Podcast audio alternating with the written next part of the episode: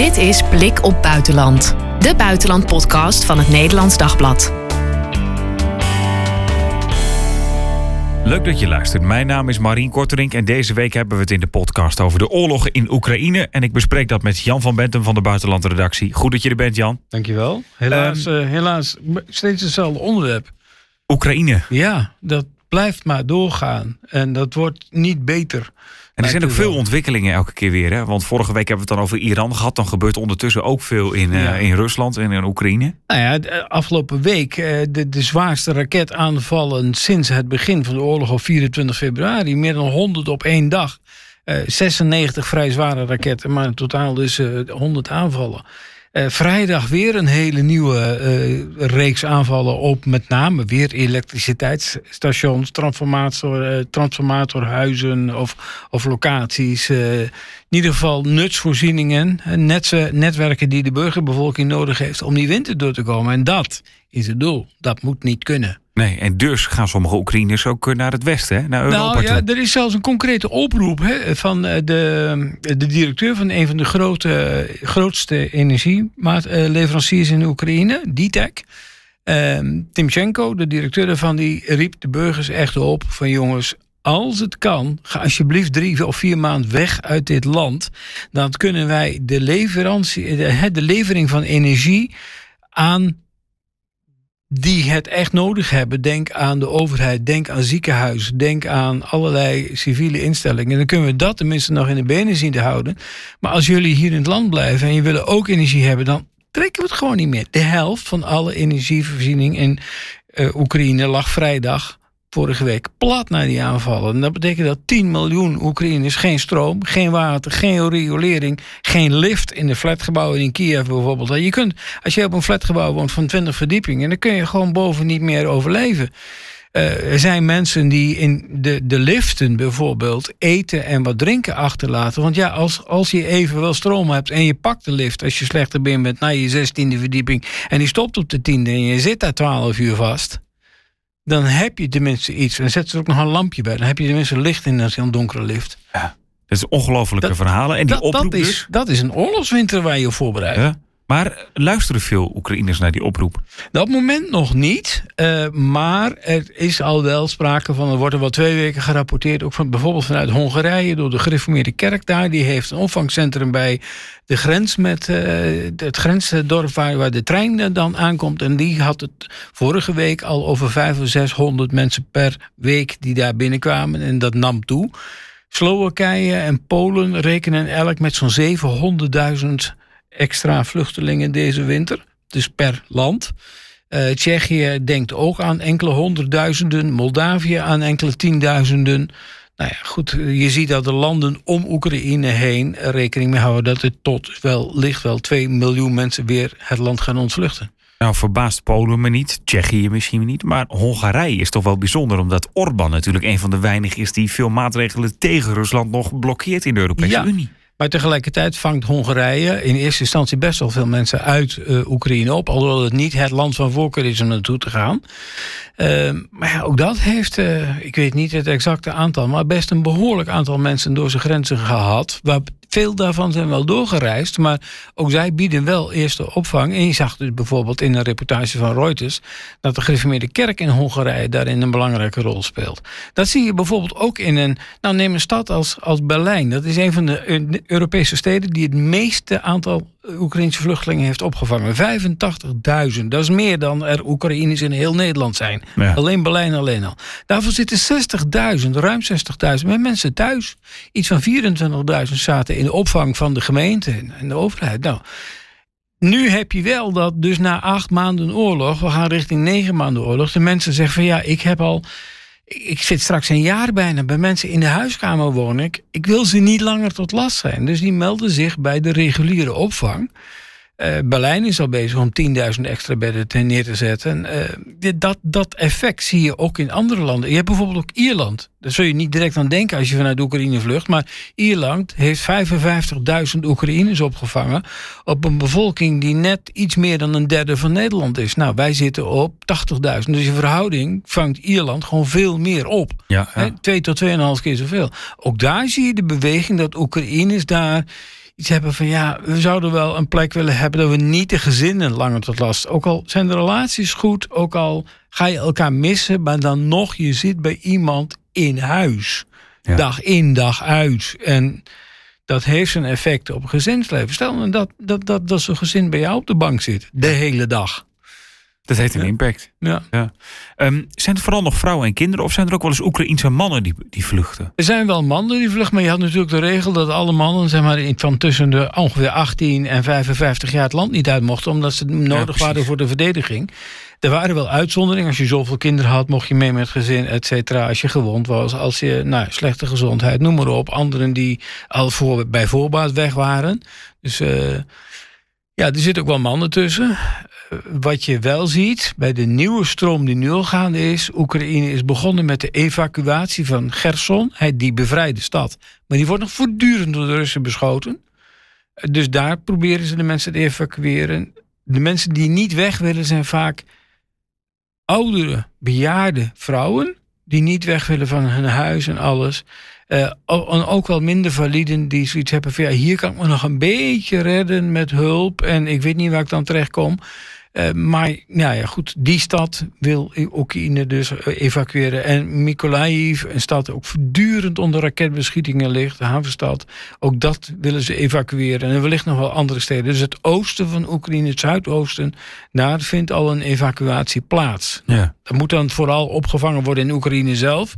Maar er zitten ook al vier, ruim 4 miljoen mensen zonder huis en haard. Ja, het zijn verschrikkelijke cijfers. Ik wil nog even wat dingen die de afgelopen week in het nieuws voorbij zijn gekomen eh, met je delen. Eh, voordat we dat doen, ja, ik, jij hebt wat moeite met de positiviteit in de media. Hè? Want nou, Oekraïne herovert dan eh, Gerson bijvoorbeeld. Ja. Eh, en je ziet veel enthousiasme daarover. Ja, maar jij zei, ja, ik, eh, te enthousiast misschien. Nou ja, omdat Gerson aan de, aan, aan, zeg maar aan de westkant van de Dnieper lag, aan de rivier. Dus sle- slechter te verdedigen voor, voor de Russen. Nu zitten ze achter de rivier, kunnen hun verdedigingsposities beter doen. Ehm, de Washington Post schreef ook al dat het offensief van Oekraïne als tegen een muur is opgelopen nu. Het is gewoon veel lastiger. De Russen hebben een offensief in de Donbass, dus in de, de Donetsk People's Republic, de Donetsk Volksrepubliek. Bij Bakhmut proberen ze nog steeds aan te vallen. En dus als je de, de rapporten leest van de generale staf van het Oekraïnse leger, die krijg ik elke dag, dan zie je daar achter elkaar meldingen van Russische aanvallen nog. Dat is één. Twee. Eh, nou ja, bijvoorbeeld, je hebt die grote raketaanvallen gehad. Er werd vaak gezegd, ja, ze zijn door hun raketten heen. Nou, nee. Eh, de, New York Times bijvoorbeeld had als kop eh, vorige week dan... Hoe, hoe kon Rusland nog de grootste luchtaanval sinds het begin van de oorlog lanceren daar in Oekraïne? Hè? Want ze hadden toch niks meer. Ja, maar Poetin is al lang bezig met een herbewapeningsprogramma. Hij heeft een speciale oorlogsraad ingesteld op 21 oktober. En wat betekent dat? Dat betekent dat hij daar heeft hij alle leden van het kabinet van de Russische regering, plus ook industriëlen, eh, contacten met wapenfabrikanten, alles is bij elkaar gebracht met één door Poetin geformuleerd doel. Maximale productie van wapensystemen, munitie en alles wat het leger nodig heeft. Daar moet het geld naartoe, dat heeft hij aan de premier gezegd. Eh, daar moet alle aandacht naartoe van het leger, heeft hij tegen de minister van Defensie Shoigu gezegd. Ehm, alles moet daarop zijn gericht. Dat is het coördineer, de coördinerende raad, zoals het dan heet in in, in het Russische jargon. Van de regering voor de steun van de strijdkrachten van de Russische Federatie. Ik heb hier eh, de, de, de meest recente meeting van, eh, van, van Poetin met die raad. eh, heb ik het transcript van voor me liggen. Ja. Dat, hij zet dus echt maximaal in op een lange oorlog. Daarover gesproken. ehm, het Oekraïense leger is in een veel betere conditie dan het Russische. En dus beter in staat om de oorlog in de winter voor te zetten. Dat zei de Amerikaanse minister van Defensie Austin. Eh, is dat waar? Ja, maar het is altijd lastiger om een offensief uit te voeren, zeker in de winter, zeker als je tegenstander zich verschanst heeft, dan eh, je te verdedigen. Dus de aanvallende partij leidt door de bank genomen behoorlijke verliezen. En eh, dat is ook wel met de Oekraïne gebeurd. De Russen overdrijven, maar die hebben het soms over duizenden slachtoffers in een, eh, in een maand tijd. Er zullen veel Oekraïners zijn gesneuveld. Ja, maar we weten niet hoeveel, omdat Oekraïne dat niet wil zeggen.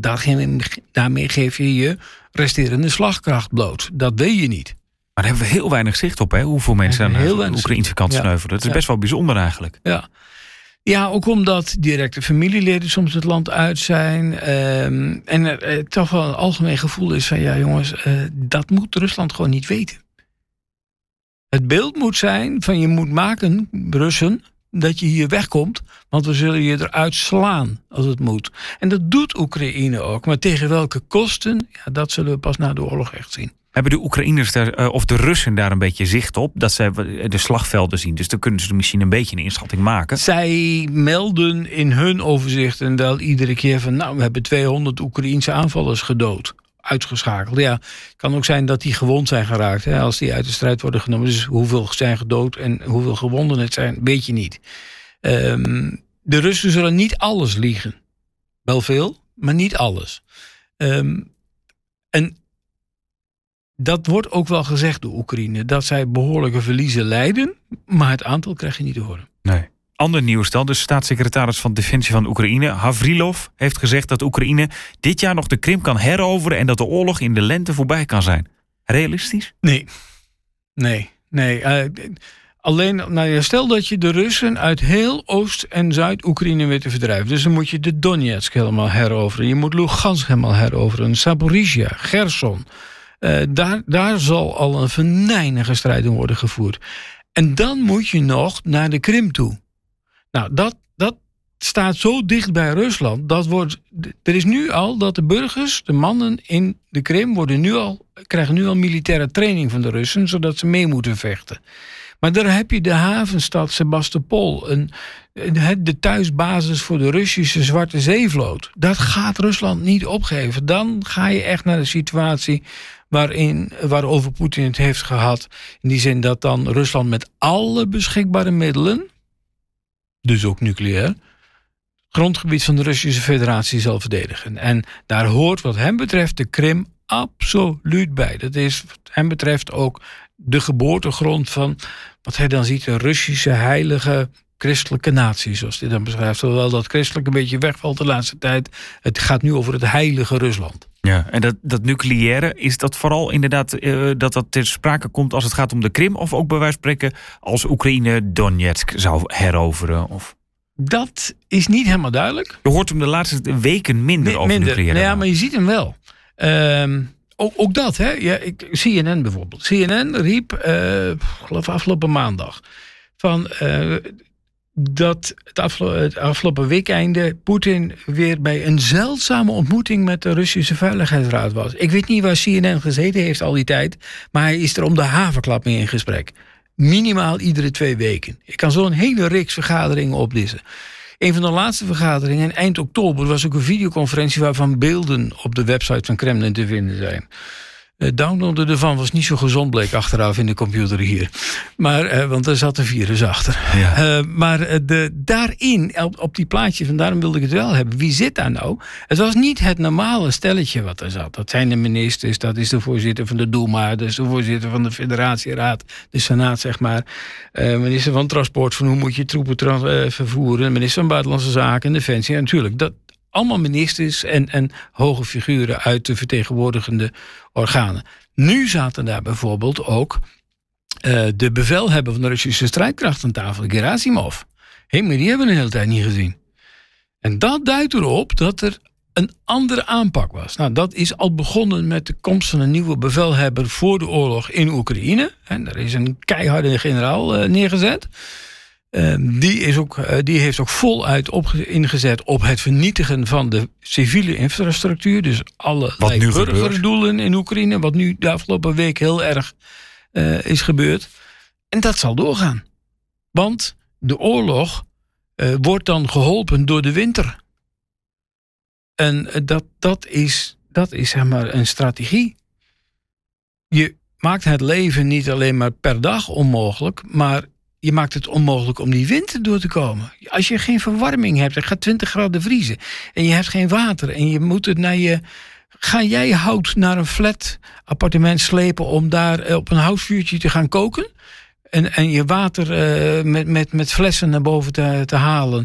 Want dat wordt er nog verdeeld in, bij gaarkeukens en dergelijke en op centrale punten. Oekraïne, bijvoorbeeld in de stad Kiev hebben ze nu al 158 plekken aangelegd waar burgers zich kunnen gaan opwarmen in de winter. Omdat ze verwachten dat het gewoon niet meer te trekken is om dat in huizen te doen. Daar staan de generatoren, die worden gewoon met gewone brandstof als diesel uh, gevoed. Dus dat kun je wat minder makkelijk uitschakelen uh, via een transformatorhuis. Nou, daar als je dan echt helemaal besterft van de kou, kun je daar even op temperatuur komen. Een kop uh, soep of een kop hete thee krijgen. Daar kun je je telefoon opladen. Dat soort plekken is is Kiev nu aan het aanleggen, de hoofdstad. Ja, dat is ongelooflijk dat je dus inderdaad ook bijna niet meer in je huis kan. En dus misschien dan ook wel denkt, ja, of ik ga hier bij een generator staan, of ik vlucht naar een ander land. Nou, de, de, burgemeester van Kiev heeft ook al eerder eh, gezegd tegen de mensen: van eh, ga eens even goed nadenken of je niet ergens anders buiten Kiev de winter kunt doorbrengen. Want dit wordt een ramp de komende tijd. Gewoon om, om jullie te voorzien van alles wat je nodig hebt.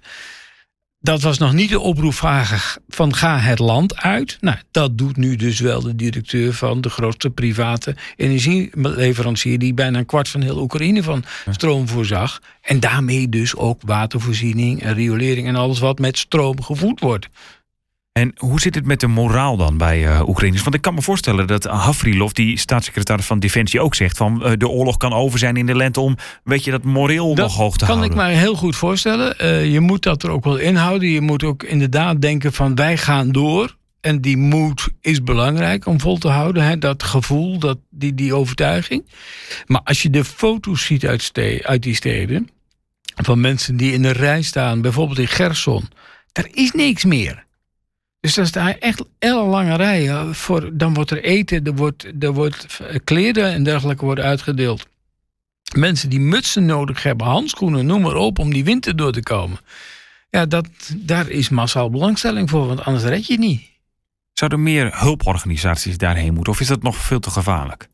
Uh, Gerson is vrij gevaarlijk, maar met Oekraïnse hulp kun je dat doen. En Europa wilde dus ook 18 miljard uh, hulp aan Oekraïne geven komende jaar.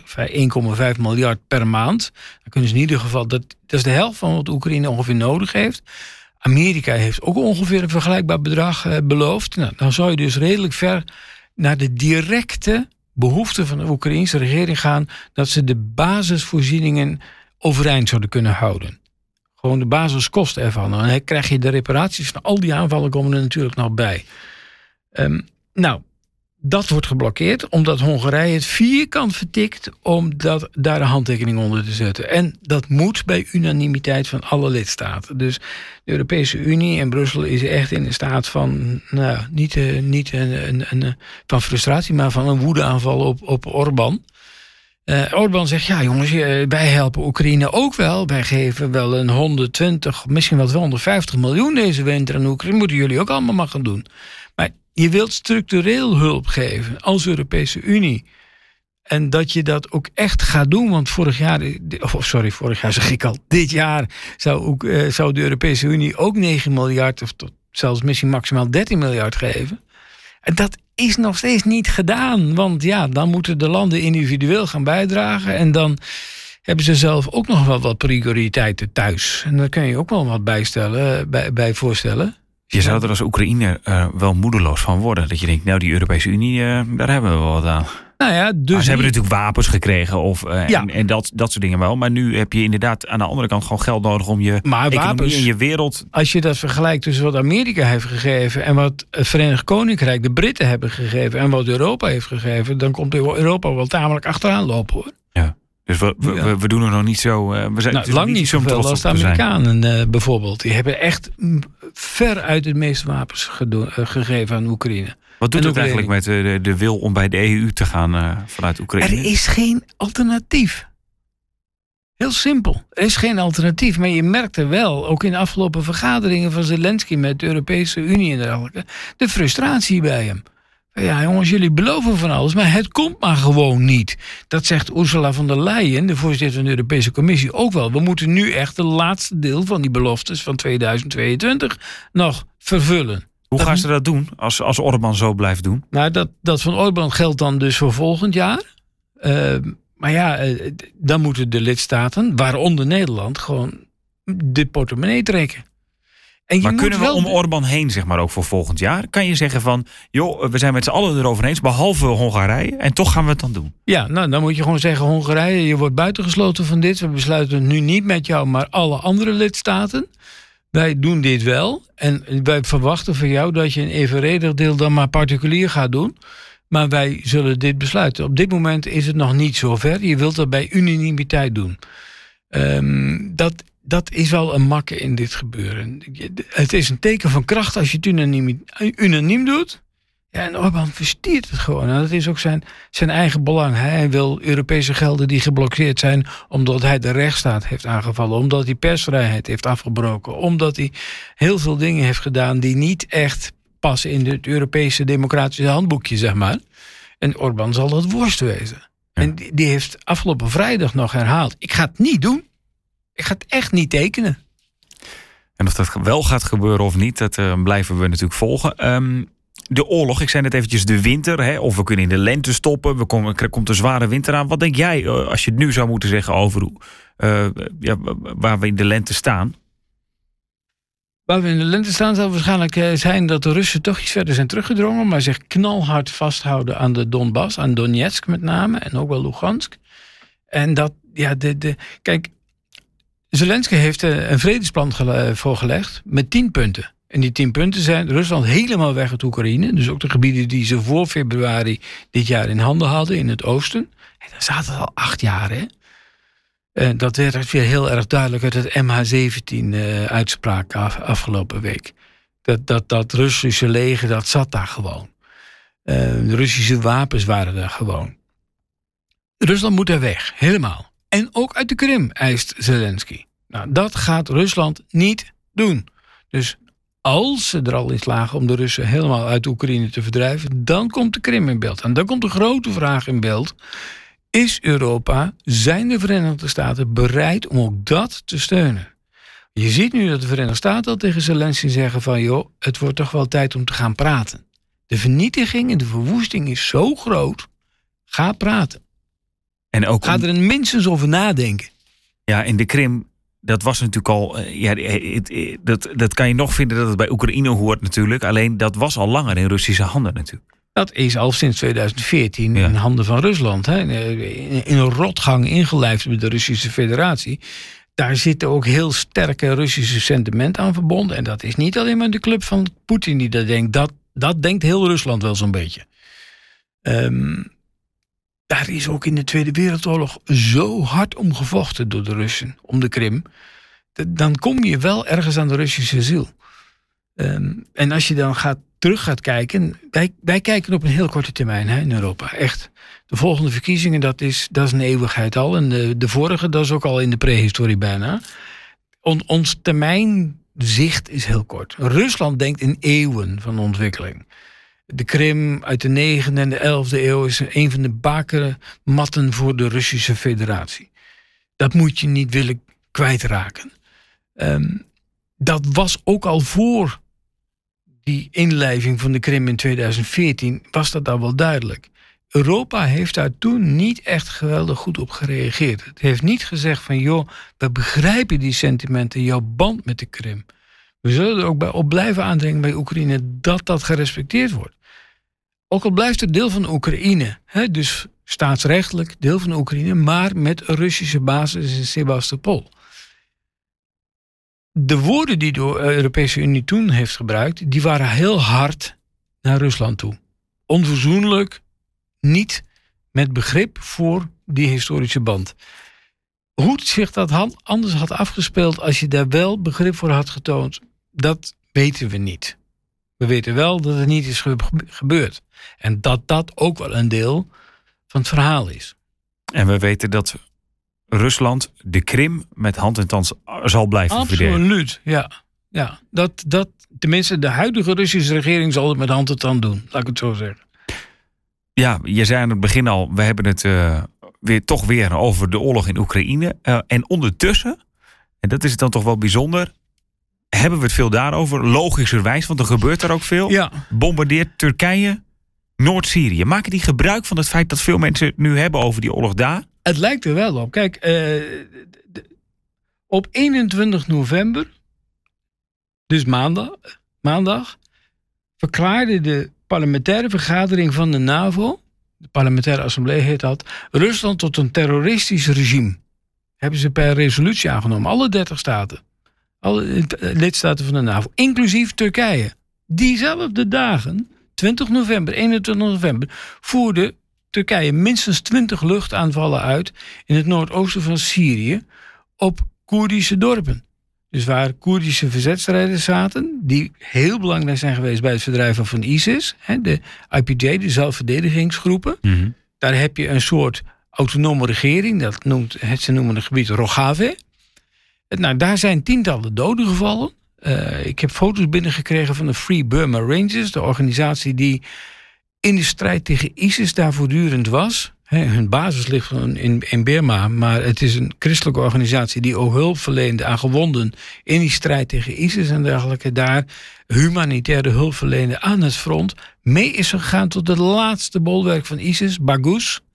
waar ISIS uiteindelijk zijn grondgebied helemaal kwijtraakte. Daar vluchtelingen opving. Ook ISIS-vluchtelingen hielp als ze gewond waren tot in het kamp toe, het Al-Hol-kamp in Syrië. En daar laat het Westen de Koerden maar mee zitten. En Turkije valt die Koerden aan. Heftig.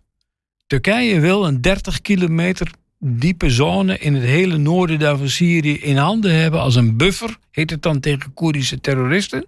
Maar in werkelijkheid ook om er één, in, in de eerste instantie 1 miljoen Syrische vluchtelingen naar terug te kunnen sturen.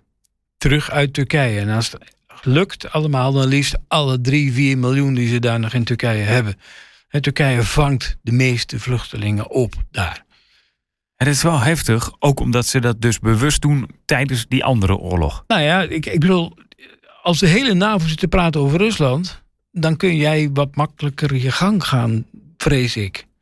En dat is op dit moment een interpretatie, want uh, het is allemaal nog heel vers. Van wat zijn nu de beweegredenen geweest? Uh, Turkse uh, regeringsbesluiten zijn met alle respect beter afgeschermd dan het Kremlin. Daar kun je makkelijker inbreken. Um, maar ja, dit gebeurt wel. En dat gebeurt al om de havenklauw. Hè. Ze hebben een heel groot deel van het noordwesten van Syrië in handen, rond Afrin. Daar hebben ze al met islamistische groeperingen die daar de macht in handen hebben, namens pro-Turks zijn. Nou, daar zitten clubs bij. Dat, dat, dat, dat is zo streng islamitisch. Dat, dat neigt bijna naar ISIS, zeggen velen. Dezelfde groeperingen gebruiken ze ook om dat Koerdische deel in het noordoosten van Syrië weer aan te vallen. Waarin ook tientallen christelijke dorpen liggen, die ook een slachtoffer hiervan worden. Maar ik eh, lees daar niet zo gek veel over in eh, de westerse media over het algemeen. Daar moet je echt naar bronnen toe. Uh, nou ja, ik noemde de Free Burma Rangers, die zitten daar nu net. Die waren daar omdat een kerk die herbouwd was, die was vernield door ISIS, was herbouwd, heropend. Daar waren ze. En vlakbij bombardeerde Turkije opnieuw dorpen en steden. Zouden we onze aandacht daar meer op moeten richten? Want ergens kunnen we ons ook aandacht ook maar. Uh, ja, we hebben een beperkte tijd, zeg maar, wat je kan besteden natuurlijk. Aan, uh... Nou ja, kijk, Turkije is lid van de NAVO. En de NAVO, als die parlementaire assemblee zegt: Rusland is een terroristisch regime, want hij bombardeert Oekraïne. Dan moet je je omdraaien en zeggen: En jij, Turkije, flik dat niet in Noordoost-Syrië. En is het dan Laat de mensen daar in vrede leven.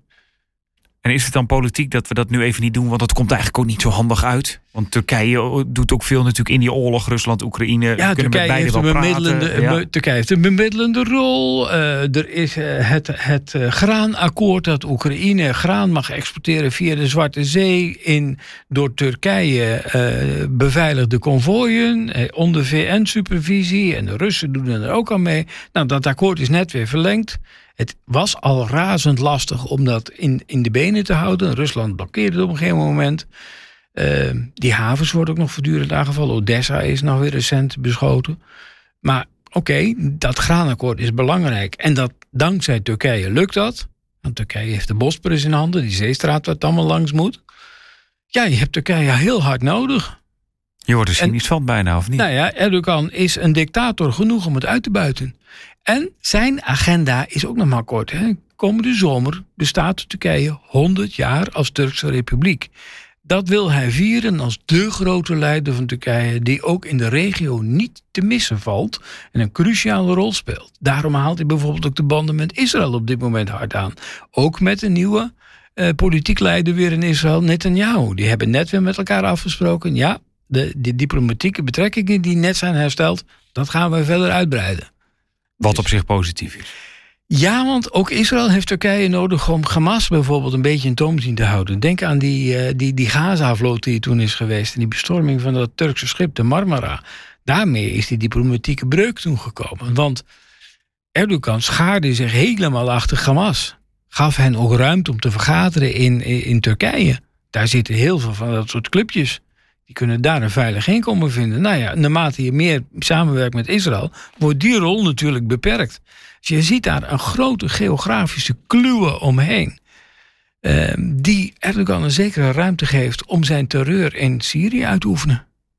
Ik laat het maar zo noemen. Punt. Onze beste bondgenoot in, in, in de NAVO oefent terreur uit in Syrië. Dodelijke terreur. En daar zetten we een punt voor deze week, Jan. Dankjewel. Ja. Dit was eh, Blik op Buitenland. Heb je een vraag of wil je reageren? Laat het weten via podcast.nd.nl. En laat ook een review of een recensie achter over deze podcast. Dat maakt het voor anderen weer makkelijker om ons te vinden. Tot volgende week.